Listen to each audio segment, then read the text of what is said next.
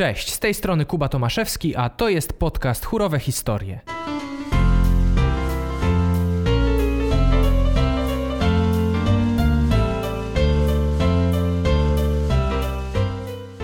Wszyscy kochają opowieści. To one inspirują, motywują, uczą i pociągają. Wierzę, że to właśnie wyjątkowe historie mają największą moc oddziaływania i przekonywania. Chórowe historie to spotkania z ludźmi, którzy żyją śpiewem. Niektórzy są profesjonalnymi muzykami, inni pozostali amatorami, ale ani jedni, ani drudzy nie wyobrażają sobie życia bez śpiewu. Właśnie im chcę oddać mikrofon, żeby dzielili się swoją pasją i ubogacali nią życie innych. Chórowe historie są dowodem na to, że warto śpiewać.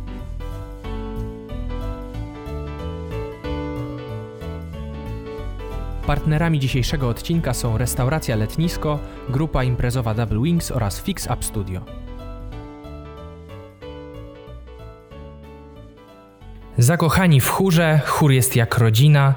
Do tej pory chórowe historie rysowały dosyć słodki obraz śpiewania, żeby nie powiedzieć, że przesłodzony. Ale nie oszukujmy się, tam gdzie są ludzie, tam są konflikty, a chór nie jest w tym wyjątkiem. W każdej grupie są blaski i cienie i właśnie szczególnie o tej ciemnej stronie chóru porozmawiam dzisiaj z dyrygentką i założycielką chóru VRC, Joanną Malugą. Joanna wykłada w Akademii Muzycznej w Bydgoszczy i na Uniwersytecie Muzycznym Fryderyka Chopina w Warszawie. Jest doktorem habilitowanym sztuki muzycznej od niedawna, więc ma ogromną wiedzę i doświadczenie, którymi się z nami podzieli. Joanna opowie o zarządzaniu kryzysowym w chórze, jak radzić sobie z konfliktami między chórzystami i czy mimo wszystko warto śpiewać w chórze. Dziękuję Asiu za przyjęcie zaproszenia i witam w letnisku w Falenicy. Dzień dobry. Nasz podcast ma na celu promowanie śpiewania w chórze, ale chcielibyśmy uniknąć takiego troszeczkę syndromu paryskiego, że będziemy tutaj zachwalać, prawda, cały czas mówić o zaletach, o wszystkim tym, co wspaniałe, co, co ze śpiewaniem w chórze się wiąże. No i ktoś, kto tego będzie słuchał, może rzeczywiście poczuć się zachęcony, wstąpić do chóru, a tutaj się nagle okazuje, że są jakieś konflikty, że są jakieś waśnie, że są jakieś problemy, z którymi może nie do końca, z których nie do końca może sobie zdawaliśmy sprawę. No i właśnie, czy śpiewanie w chórze w ogóle jest dla każdego? Myślę, że w, że w jakimś sensie jest dla każdego. Trochę trudno opowiedzieć, odpowiedzieć na to pytanie, bo, bo tak naprawdę powinniśmy zapytać, czego ta osoba oczekuje. Ale tak jak powiedziałeś we, we wstępie, churalna rodzina chyba jest najlepsze porównanie, że ta grupa społeczna, którą jest chór, to jest taka rodzina. A w rodzinie, jak to w rodzinie, bywają dni fantastyczne, miłości, ciepła, bliskości, zrozumienia, a, a bywają takie sytuacje, które no, bardzo rzeczywiście nas e, zniechęcają. I wydaje mi się, że właśnie rolą dyrygenta jest być może jakoś te konflikty rozładowywać, jakoś tak mądrze do nich podchodzić, żeby zdejmować z nich ogromną wagę znaczeniową, żeby pokazywać, że trochę czasu minie, trochę porozmawiamy i to wszystko się rzeczywiście rozejdzie po kościach y, i że będzie lepiej. Aczkolwiek rzeczywiście, no tak jak mówię, chór nie różni się jako grupa społeczna od żadnej innej grupy społecznej. Te same konflikty e, w nim zachodzą, te same sytuacje. Chyba jakaś mądrość i doświadczenie tylko sprawia, że, że przechodzimy po, ponad tym i idziemy dalej do, do tego, co jest po prostu wartością nadrzędną. A jeżeli miałabyś powiedzieć, czy chór jest raczej grupą inkluzywną, czy raczej ekskluzywną? Jest to coś dla wybranych, czy raczej coś dla wszystkich? Czy to profilowanie właśnie takiej grupy docelowej powinno mieć miejsce, czy raczej nie? Chór na pewno nie jest dla wszystkich, ale też pytanie, który chór? Dlatego, że ja myśląc, y, jakby rozpatruję słowo chór pod kątem mój chór, czyli chór VRC, y, który prowadzę od już dłużej niż 10 lat. I ja przez te lata wypracowałam, nawet nie wiem jak to nazwać, podczas przesłuchania ja po prostu czuję, czy ktoś się w tej grupie odnajdzie, czy nie. I niestety jest tak, że czasami decyzje podejmuję pod kątem osobowościowym, a nie zawsze wokalnym. Zdarza mi się przyjąć kogoś trochę słabiej śpiewającego, kto wiem, że po prostu absolutnie się odnajdzie w tej grupie, dopasuje i będzie jej fantastyczną częścią. No właśnie, jak tu rozpoznać ten potencjał? Bo mówisz o pewnym wyczuciu, ale może są jakieś takie kryteria jednak, którymi się kierujesz, które pozwalają rozpoznać potencjał i pomagają też podjąć tą decyzję, kogo z miejsca odrzucić. No na pewno nie służy y, byciu w chórze koncentracja na samym sobie. to być może taka oczywista uwaga.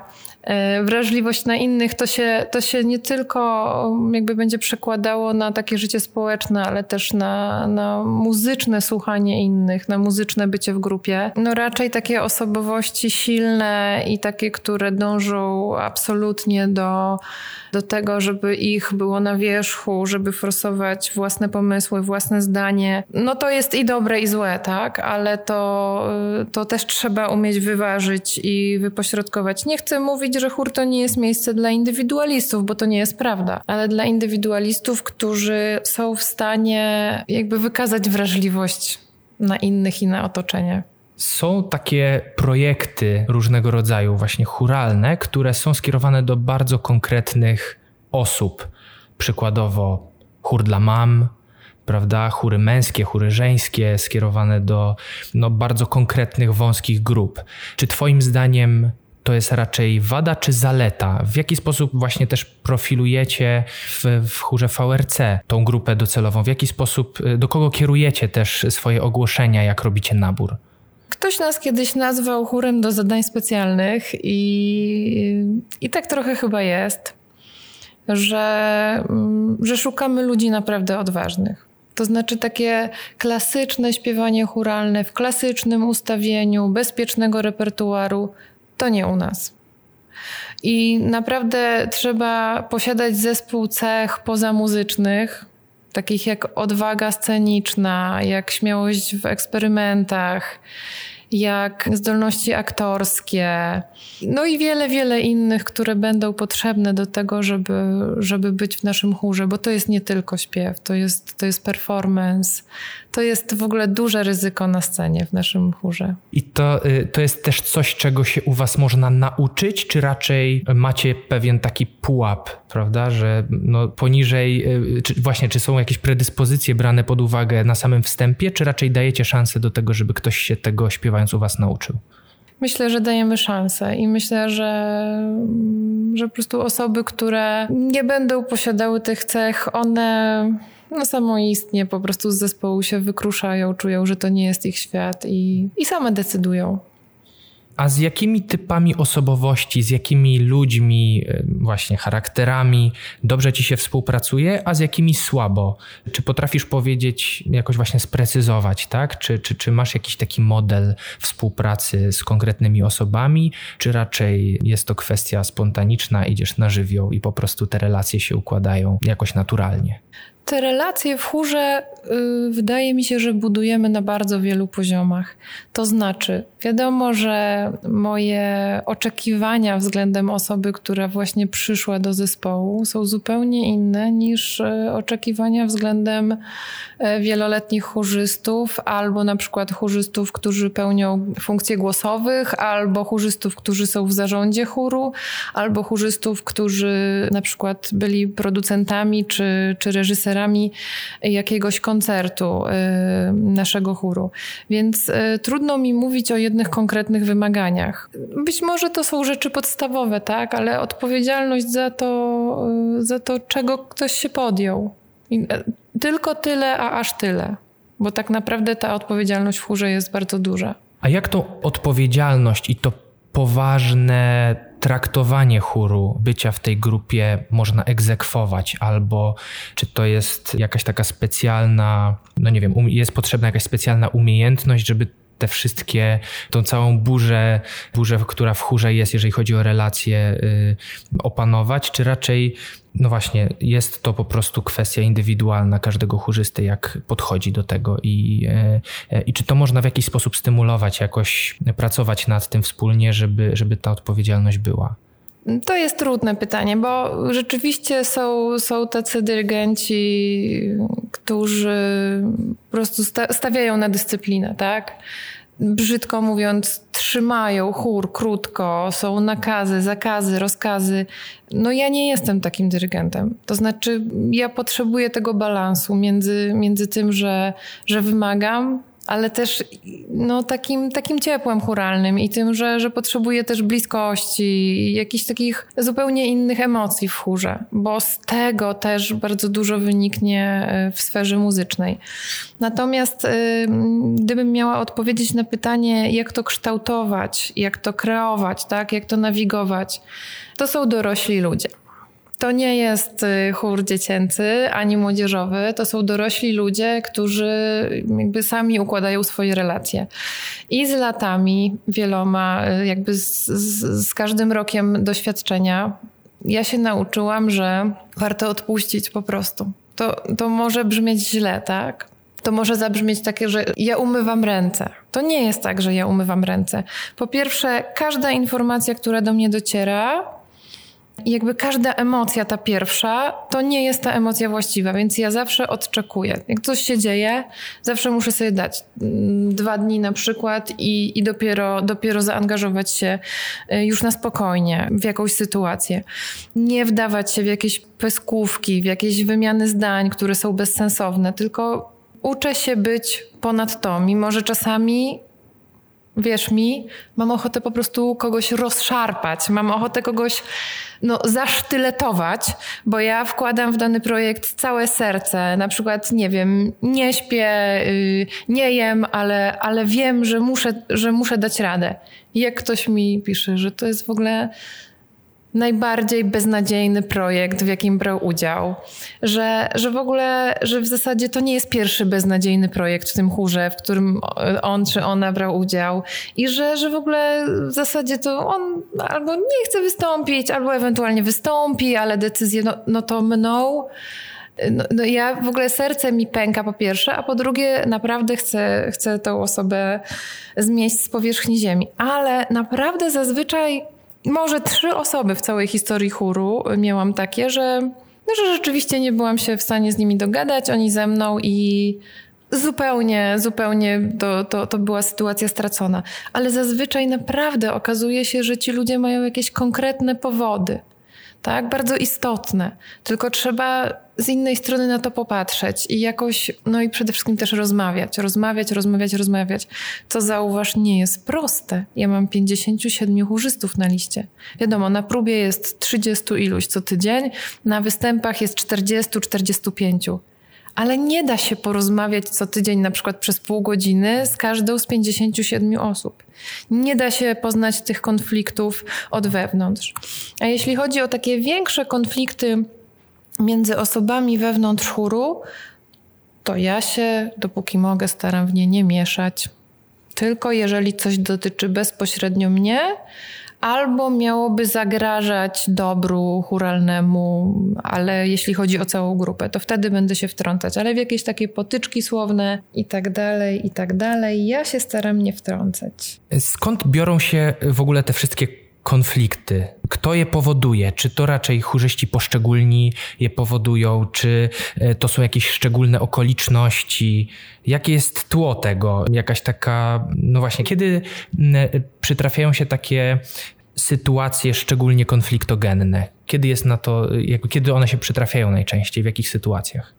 W sensie muzycznym, wiadomo, Wtedy, kiedy jest mało czasu, dużo materiału, y, wyjście na scenę, które kosztuje nas bardzo wiele emocji, nie mieliśmy czasu się przygotować tak, jakbyśmy chcieli, wychodzimy, firmujemy to swoją osobą.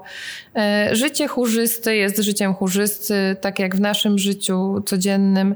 Nie zawsze jesteśmy w stanie zrobić wszystko na 100%, a przecież wychodzimy na scenę i firmujemy naszą twarzą tutaj na przykład chór VRC i wiadomo, że oni chcą to zrobić zawsze najlepiej jak się da.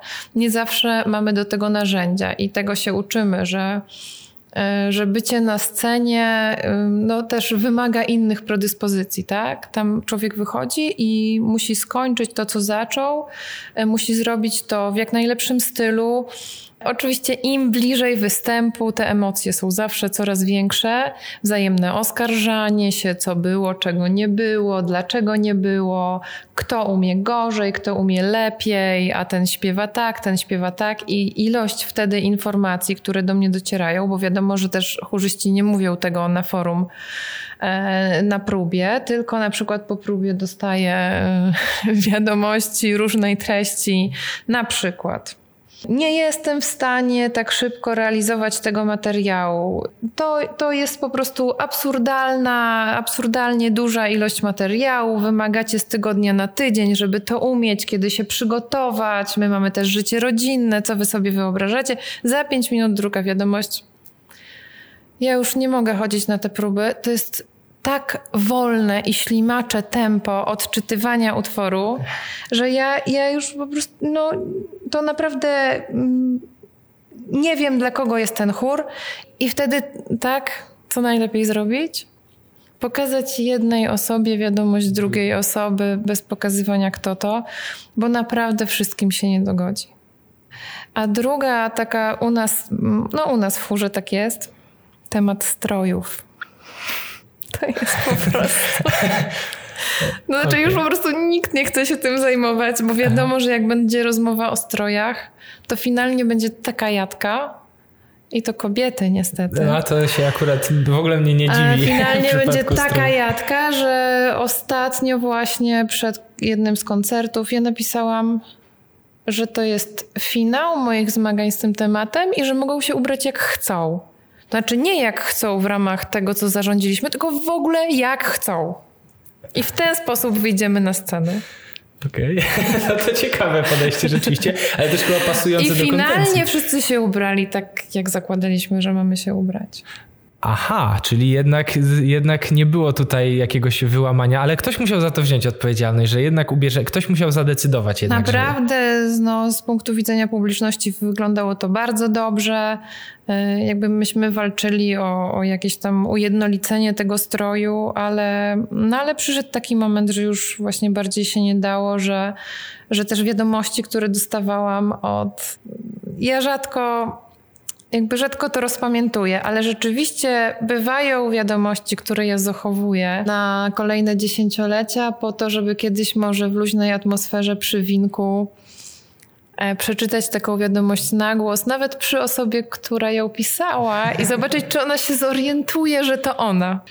Jakie są Twoje sposoby na radzenie sobie z kryzysem? No bo jeżeli są rzeczywiście jakieś bardzo duże emocje, e, mówiłaś o tym, że się jednak starasz dystansować, przynajmniej w tej początkowej fazie, od, e, od jakichś takich bardzo emocjonalnych, e, impulsywnych reakcji, ale czy są właśnie jakieś sposoby na to, czy masz też ludzi, którzy jakoś byliby w stanie za taki, za, za moderowanie tego konfliktu wziąć odpowiedzialność, czy raczej jest to tylko i wyłącznie na Twojej głowie, żeby, żeby dany konflikt rozwiązać? No, ja współpracuję z dwiema cudownymi e, dyrygentkami, z Martą Dziewanowską-Pachowską i z Anną Waligurą-Tarnowską. One obydwie pełnią w chórze VRC funkcję dyrygentów, asystentów. I są to no, osoby jakby niezwykle mi bliskie, jeśli chodzi o postrzeganie tych wszystkich sytuacji. Ania, stoicki spokój, może takiej dobrej energii i, i, takiej wiary w ludzi i w to, że, że wszyscy są naprawdę, wszyscy działają w oparciu o pozytywne emocje. Marta chyba myśli trochę bardziej tak jak ja, to znaczy my się jednak bardzo nakręcamy, natomiast już też na, na, tyle jesteśmy, na tyle w tym osiadłyśmy, że, że właśnie dajemy sobie czas, tak? Że nie reagujemy szybko, bo ty mówisz, że, że co mi pozwala opanować emocje i się zdystansować. Ja tylko na początku to robię. Ja po prostu nauczyłam się nie odpisywać od razu, tylko tyle. Ale jak sytuacja jest poważna, to ja po, tam po dobie, po dwóch, to ja tak odpiszę, że naprawdę pójdzie w pięty.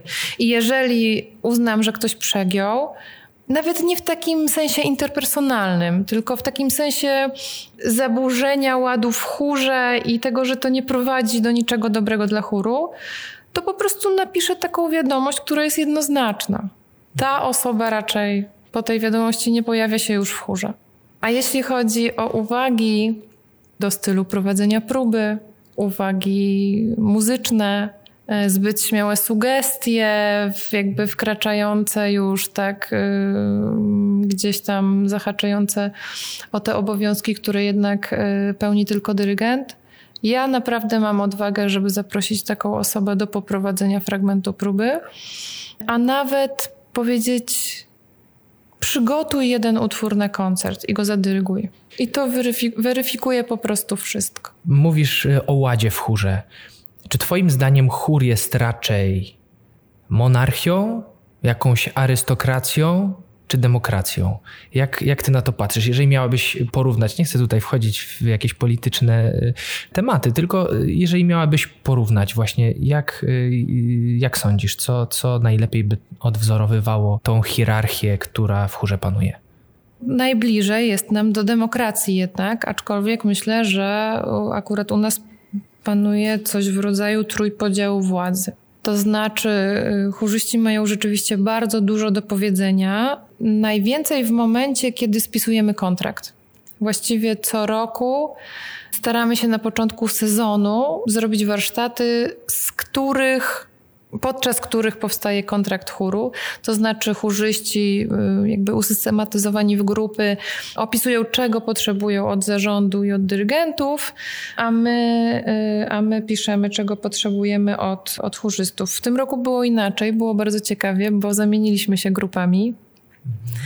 I zarząd z dyrygentkami formułował oczekiwania chórzystów, takie, które im się wydaje, że chórzyści mogliby mieć, a chórzyści formułowali oczekiwania zarządu i dyrygentów. Ten kontrakt spisujemy, wszyscy go podpisujemy i każdy nowy chórzysta, który przychodzi do chóru też dostaje taki kontrakt i też go podpisuje. I staramy się działać na bazie tego kontraktu i to jest tak naprawdę moje takie narzędzie, którego ja używam bardzo często w sytuacji rozwiązywania konfliktów. Mówię tak i tak jest w tym dokumencie, który sami stworzyliście. Dlatego teraz tak działamy. Oczywiście zawsze są odstępstwa od reguły. Ale jeśli chodzi o decydowanie na przykład w sprawach finansowych, no to y, jest zarząd chóru, który jest też zarządem stowarzyszenia y, działającego przy chórze. No i tam już rzeczywiście też nie wszystkie osoby chcą podejmować y, decyzje finansowe, mm, no ale tam już, tam już ta, ta władza jest zawężona. Ale jeżeli podejmujemy takie duże decyzje churalne, które dotyczą wszystkich, no to ten trójpodział władzy polega na tym dyrygenci, zarząd, chórzyści.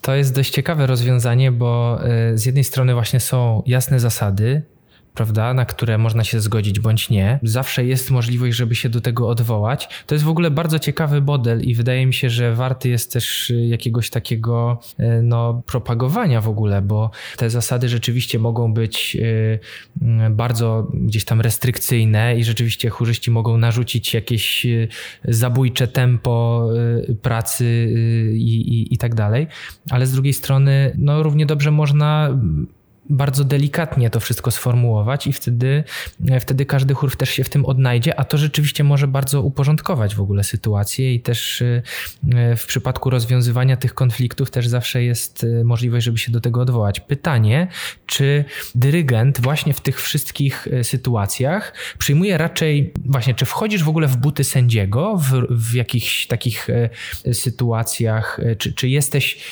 bo nie wiem, no na przykład w przypadku stowarzyszenia, prawda, bardzo często w statutach formułuje się, że jeżeli na przykład są trzy osoby w zarządzie, przepraszam, cztery osoby w zarządzie przykładowo e, i jest remis, prawda, przy głosowaniu nad jakąś uchwałą, e, no to przeważający jest głos prezesa. Czy tak samo jest w przypadku chóru i dyrygenta?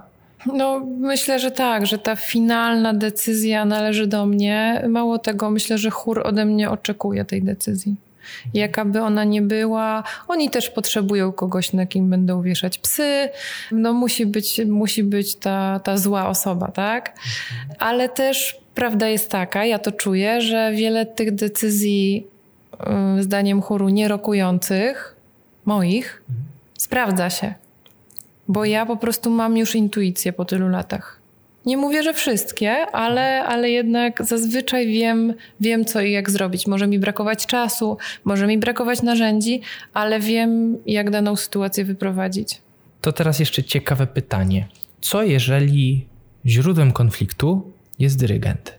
Co jeżeli możesz na to tak nie patrzeć, ale, ale nawet jeżeli miałabyś się postawić y, gdzieś tam w hierarchii jako chórzysta, prawda, I, y, i obserwować sytuację troszeczkę z zewnątrz, na przykład w jakimś innym chórze, prawda, co jeżeli właśnie powodem czy, czy zarzewiem w ogóle konfliktu jest dyrygent i przykładowo jego niepohamowana ambicja, przykładowo brak kompetencji, który rzeczywiście jest piętnowany i tak dalej, i tak dalej. Tych, tych sytuacji może być bardzo dużo i na różnym tle, ale co doradziłabyś chórzyście, który właśnie z takim problemem się zmaga i w jaki sposób e, coś takiego rozwiązać? Czy, czy w ogóle jest sens, żeby angażować się w taki spór? Bardzo wiele zależy od modelu danego chóru, bo są chóry, które zatrudniają dyrygenta jako grupa muzyczna, tak? Jest to mhm. osoba z zewnątrz, e, chór stworzył konkurs i angażuje dyrygenta czy do danego projektu, czy, do, czy na dany sezon, czy w ogóle na wiele, wiele lat. I tacy chórzyści mają rzeczywiście no, duże pole manewru. E, natomiast e, w moim chórze jest sytuacja odwrotna. To ja stworzyłam ten chór i to ja przyjmuję wokalistów do mojego chóru a nie oni mnie zatrudniają. Więc, y, no więc prawda jest taka, że pewnie gdybym ja była źródłem konfliktu, jakimś takim pogłębiający się byłby ten konflikt, to pewnie po prostu rozpadłby się chór, bo osoby z chóru by odchodziły. Natomiast jeżeli, jeżeli to jest osoba zatrudniona, to nie widzę problemu, żeby zagłosować i po prostu ją zmienić. Dlatego, że, że to jest bardzo niebezpieczne. Czy Twoim zdaniem dyrygent ma niepodważalny autorytet w chórze?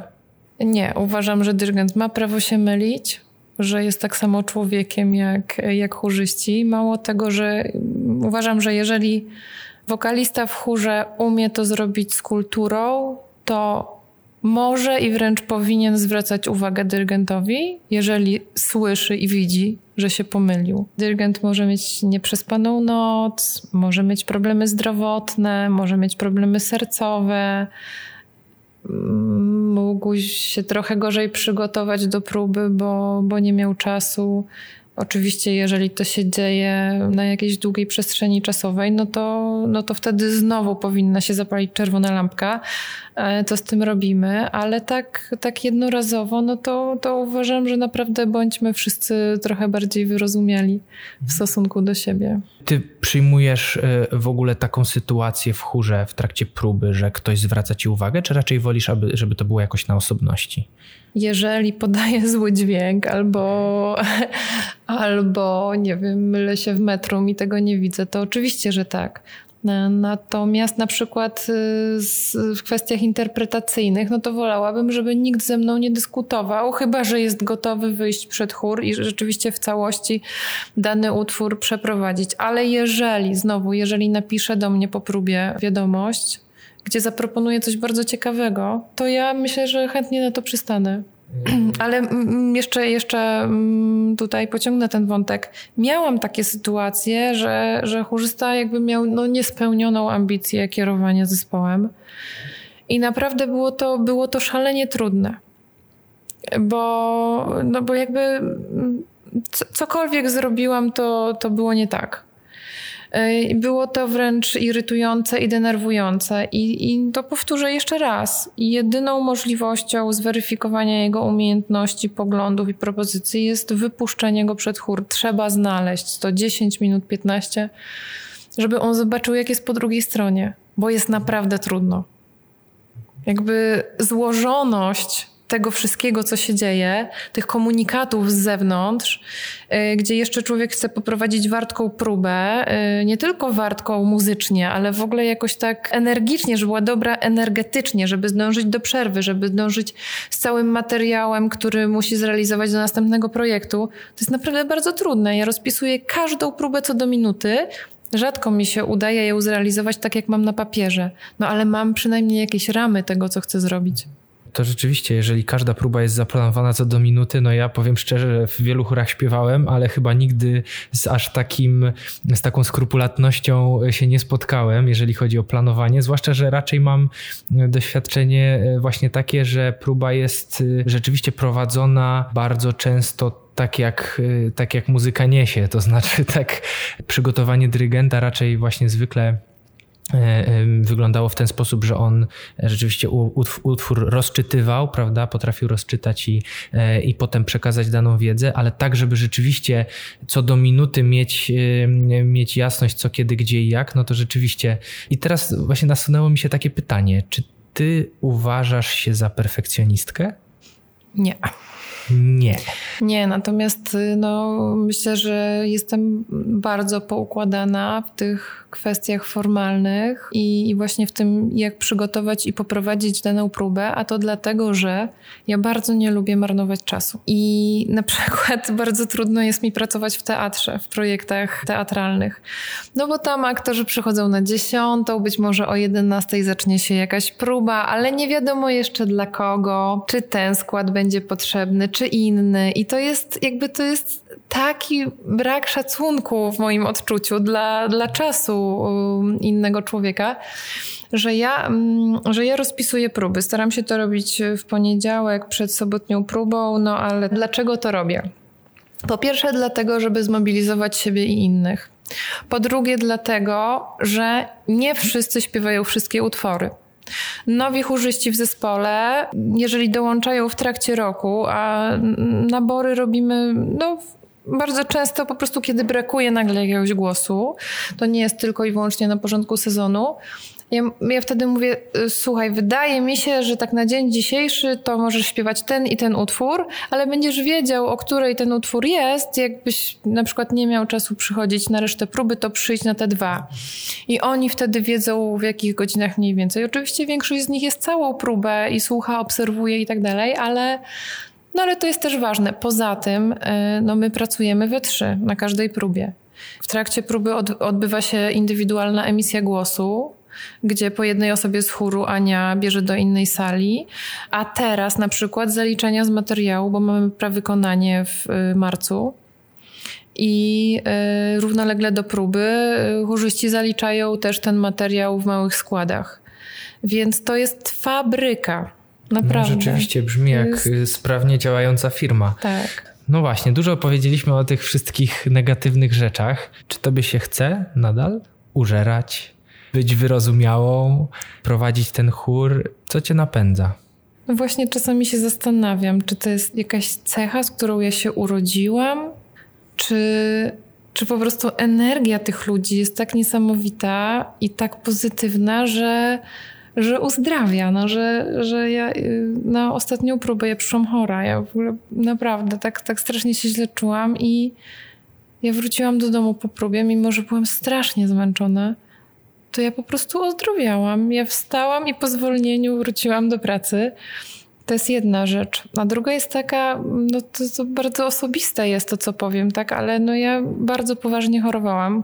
Tak bardzo poważnie, że, że w zasadzie bardziej poważnie się nie da. I ci ludzie stali się moją rodziną. Oni po prostu, oni się tak o mnie troszczyli. Oni mnie przeprowadzili odmalowali moje nowe mieszkanie. Y, pan, który je wynajmował, myślał, że to jest ekipa remontowa. No, zrobili to w pięknym stylu, takim stylu, jak zarządzają chórem, czyli tabelki, dyżury, rozliczenia i, i tak dalej. No i przede wszystkim, no mnie rok nie było, tak? I, I ten chór działał, on trwał, on dawał koncerty, nic się nie rozsypało. Także ta siła, ta siła jest gigantyczna. Ja, ja, ja ich uwielbiam. No a to, że mnie doprowadzają do szewskiej pasji, to jest inna sprawa. Czyli jednak rodzina. E, tak. E, jednak rodzina w każdym calu. Chcesz rozwijać Nie, no wątek? Ja jeszcze mogę powiedzieć o jakichś takich rzeczach, na przykład post, w którym jest napisane bardzo proszę nie przesyłać, bo ci, którzy nie zaliczą na próbie, to muszą dosłać. Aha nie przesyłać żadnych zipów, żadnych zalogowanych na dyskach, nic. Proszę się nagrać komórką na Messengerze i przesłać nagranie. Co dostaję przez następne kilka dni? Hej, może być zip? No więc ja też się po prostu nauczyłam nie odpisywać nawet na takie wiadomości. I dana osoba rzeczywiście po dwóch dniach przesyła nagranie komórką. Albo mówi, wiesz co jest na YouTubie, ale się otwiera, nie ma. No bo my nie mamy czasu. My jesteśmy trzy, a na przykład 30 osób przysyła zaliczenia. No bo tak jest, 57 osób na liście. 55 śpiewa projekt, w ogóle jest jakaś szołowa frekwencja teraz na tym projekcie. A na próbie jest 28. Reszta musi dosłać zaliczenie. O czymś ważnym jeszcze nie powiedziałam, oprócz tego, że próba jest rozpisana co do minuty, to próby są transmitowane. Czyli osoby, których nie ma na próbie, jeżeli chcą być świetnym chórzystą, to muszą obejrzeć transmisję próby, z próby i rzeczywiście zrealizować to wszystko, co, co było Rzeczywiście robione. i w grupie chyba nawet widać wtedy, e, Tak, kto ogląda. tak, prawda? Tak, tak, tak. No to rzeczywiście takie... y, Że trochę nie ma miejsca na te takie, prawda, niedoróbki, że nie mogłem, nie zrobiłem, nie było, mnie nie było, ciebie to transmisję obejrzyj. No to tak? nawet nie ma za bardzo jak ściemniać tak, tak naprawdę. Tak, tak, tak. Zupełnie, zupełnie nie ma pola. No, jest to, jest to na pewno sposób, sposób egzekwowania bardzo, bardzo dobry i na pewno, na pewno się sprawdza. Ja myślę, że, że bardzo ważne jest takie zdanie, że jeżeli chcesz być wymagający w stosunku do innych i egzekwować te rzeczy, to musisz to samo zastosować w stosunku do siebie. To znaczy, jeżeli ja chcę, żeby mój chór był świetnie przygotowany na próbę, to ja muszę być świetnie przygotowana. Jeżeli ja chcę, żeby oni umieli swoje partie, żeby się nie mylili, żeby wszystko realizowali y, jak najwyższej klasy emisją głosu, to ja muszę tak samo. Oni są, w ogóle chór jest lustrem dyrygenta. Nie wiem, czy, czy masz takie wrażenie. Coś w tym jest. Mam trzy pytania na koniec trzy takie, które są naszą tradycją podcastową, bo na nich się skupi, skupiliśmy przede wszystkim dlatego, żeby zadośćuczynić troszkę tej naszej misji, żeby inspirować i motywować. I pierwsze pytanie to jakie jest twoje marzenie churalne? To jest pytanie, które jest dużym zaskoczeniem dla mnie, bo nie wiem dlaczego, ale ja się nad tym nigdy nie zastanawiałam. I to jest w ogóle straszny błąd. I tak, być może dlatego, że na przykład dlatego, że to marzenie się już spełniło, że ono się już zrealizowało, że to już jest zespół moich marzeń. Że te 10 lat temu, 11, kiedy ja wracałam ze studiów z zagranicy i nie miałam jeszcze swojego zespołu, i tak się zastanawiałam, jaki to będzie zespół, jak, jak on będzie funkcjonował, jak on będzie brzmiał, jacy to będą ludzie. No i to, to on jest właśnie taki, jaki ja bym chciała, żeby był. Natomiast tą ciemną stroną dla dyrygenta, który jest też kierownikiem artystycznym, czyli nie w tym wypadku, gdzie jest chór, który ma zarząd i zatrudnia dyrygenta, tylko w tym wypadku, tak jak u nas, w którym ja stworzyłam ten zespół, kieruję nim, zbudowałam wspólnie z zarządem jakieś zasady. Zarząd mi bardzo pomaga, dyrygentki, asystentki mi bardzo pomagają, ale tej pracy, która na mnie spoczywa, jest nadal taka ilość, że ja niestety czasami muszę zaprzepaścić stronę muzyczną, przygotowania do próby, żeby zrealizować stronę techniczną. No to moim marzeniem jest jakiś naprawdę fantastyczny menadżer tego chóru, który odejmie zdejmie z moich barków i z barków zarządu tę gigantyczną pracę, którą wykonujemy co tydzień. Ja liczyłam ostatnio, to, to oprócz próby to przeciętnie tak 4-5 godzin pracuję w tygodniu, żeby zrealizować te wszystkie projekty. To praca, gdzie, gdzie rezygnuję z innych ważnych części mojego życia, czasami takich jak regularne posiłki czy sen, na rzecz chóru to musi wynikać na pewno z bardzo dużego poczucia misji. Ja bardzo dużo się zastanawiałem w ostatnim czasie. Myślę, że to jest gdzieś tam jakaś taka część zawsze, kiedy odpala się jakiś projekt, mniejszy, większy. Dobrze jest się zastanowić nad tym, właśnie dlaczego robi się coś, co się robi. I, yy, I czy ty potrafiłabyś sprecyzować swoją życiową misję, jeżeli chodzi o chór?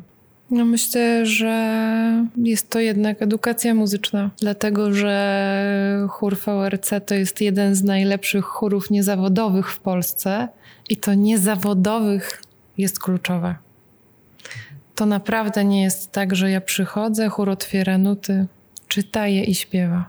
Ja mam ogromne poczucie misji, takiego wyjścia, wyjścia od podstaw w nauczaniu czytania nut głosem, w nauczaniu rozszyfrowania, rozszyfrowywania partytury, w nauczaniu um, właściwego operowania głosem, budowaniu w chórze spoistości barwowej itd., tak itd. Tak Czyli to są te wszystkie elementy, które każdy dyrygent realizuje na każdej próbie, ale mi się wydaje, że ja wnikam w nie głębiej w tę stronę edukacyjną. Że moim marzeniem jest, żeby te wszystkie dzieciaki polskie przez wszystkie kolejne dziesięciolecia mogły obcować z muzyką na wysokim poziomie, rozumieć ją, czytać i tak dalej, i tak dalej. Więc jeżeli e, w moje ręce dostaje się ktoś dorosły, u kogo być może ten proces nie wyglądał tak jak trzeba, gdzie są jakieś luki, ale on strasznie chce, no to ja też chcę, mnie to też napędza.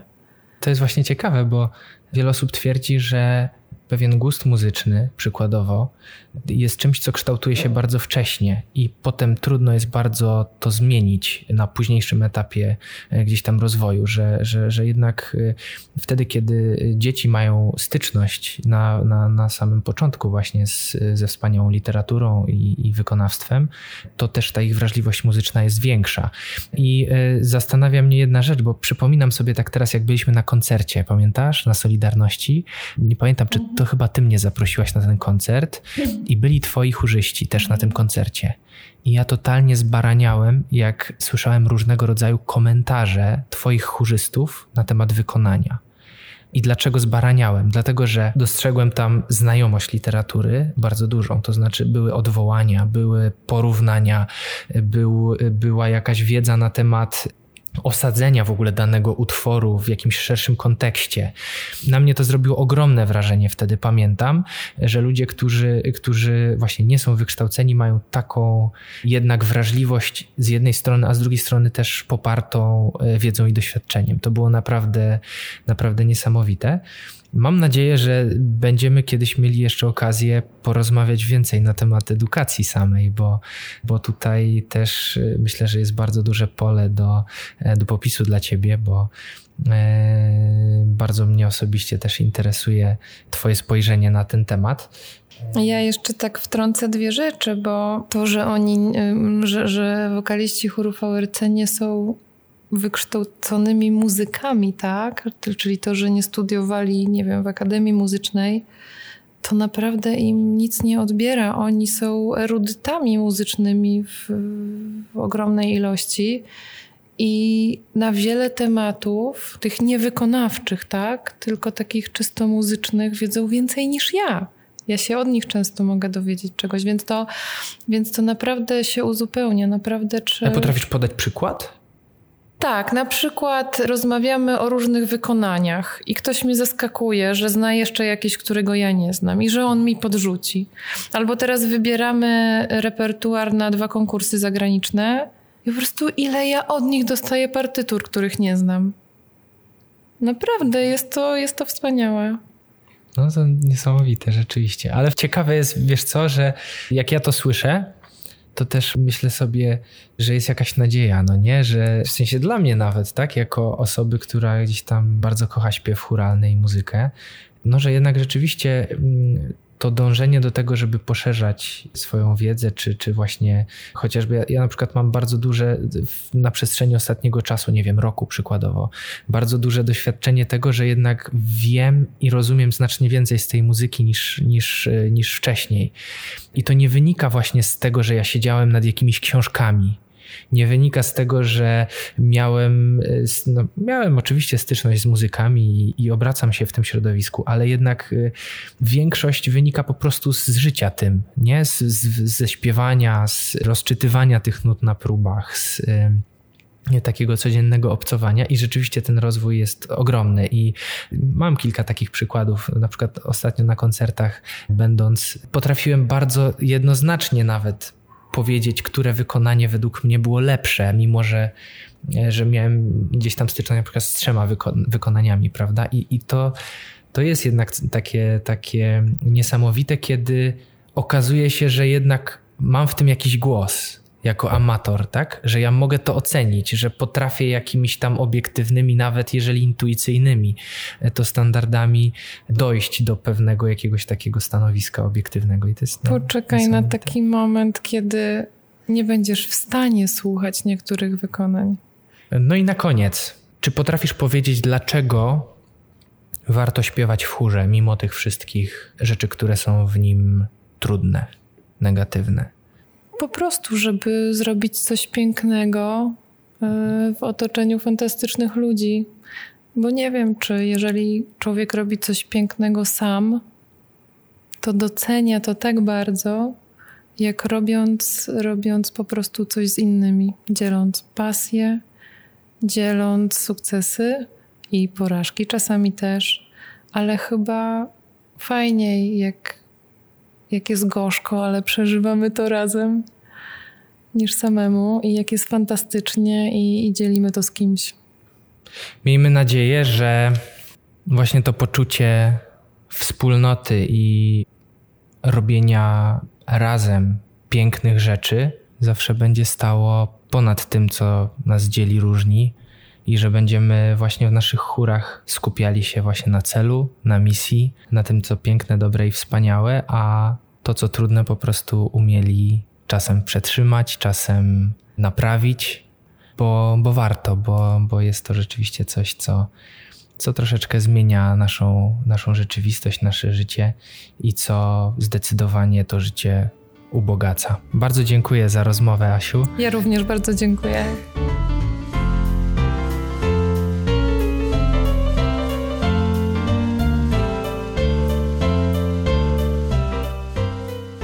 To wszystko na dziś. Następny odcinek już w niedzielę o 20.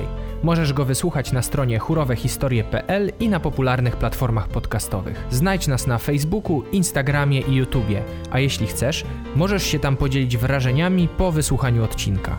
Nie zapomnij powiedzieć o nas znajomym, zwłaszcza tym śpiewającym. I pamiętaj, żeby nie opuszczać prób chóru, a jeśli jeszcze nie śpiewasz, może warto zacząć. Do szybkiego usłyszenia.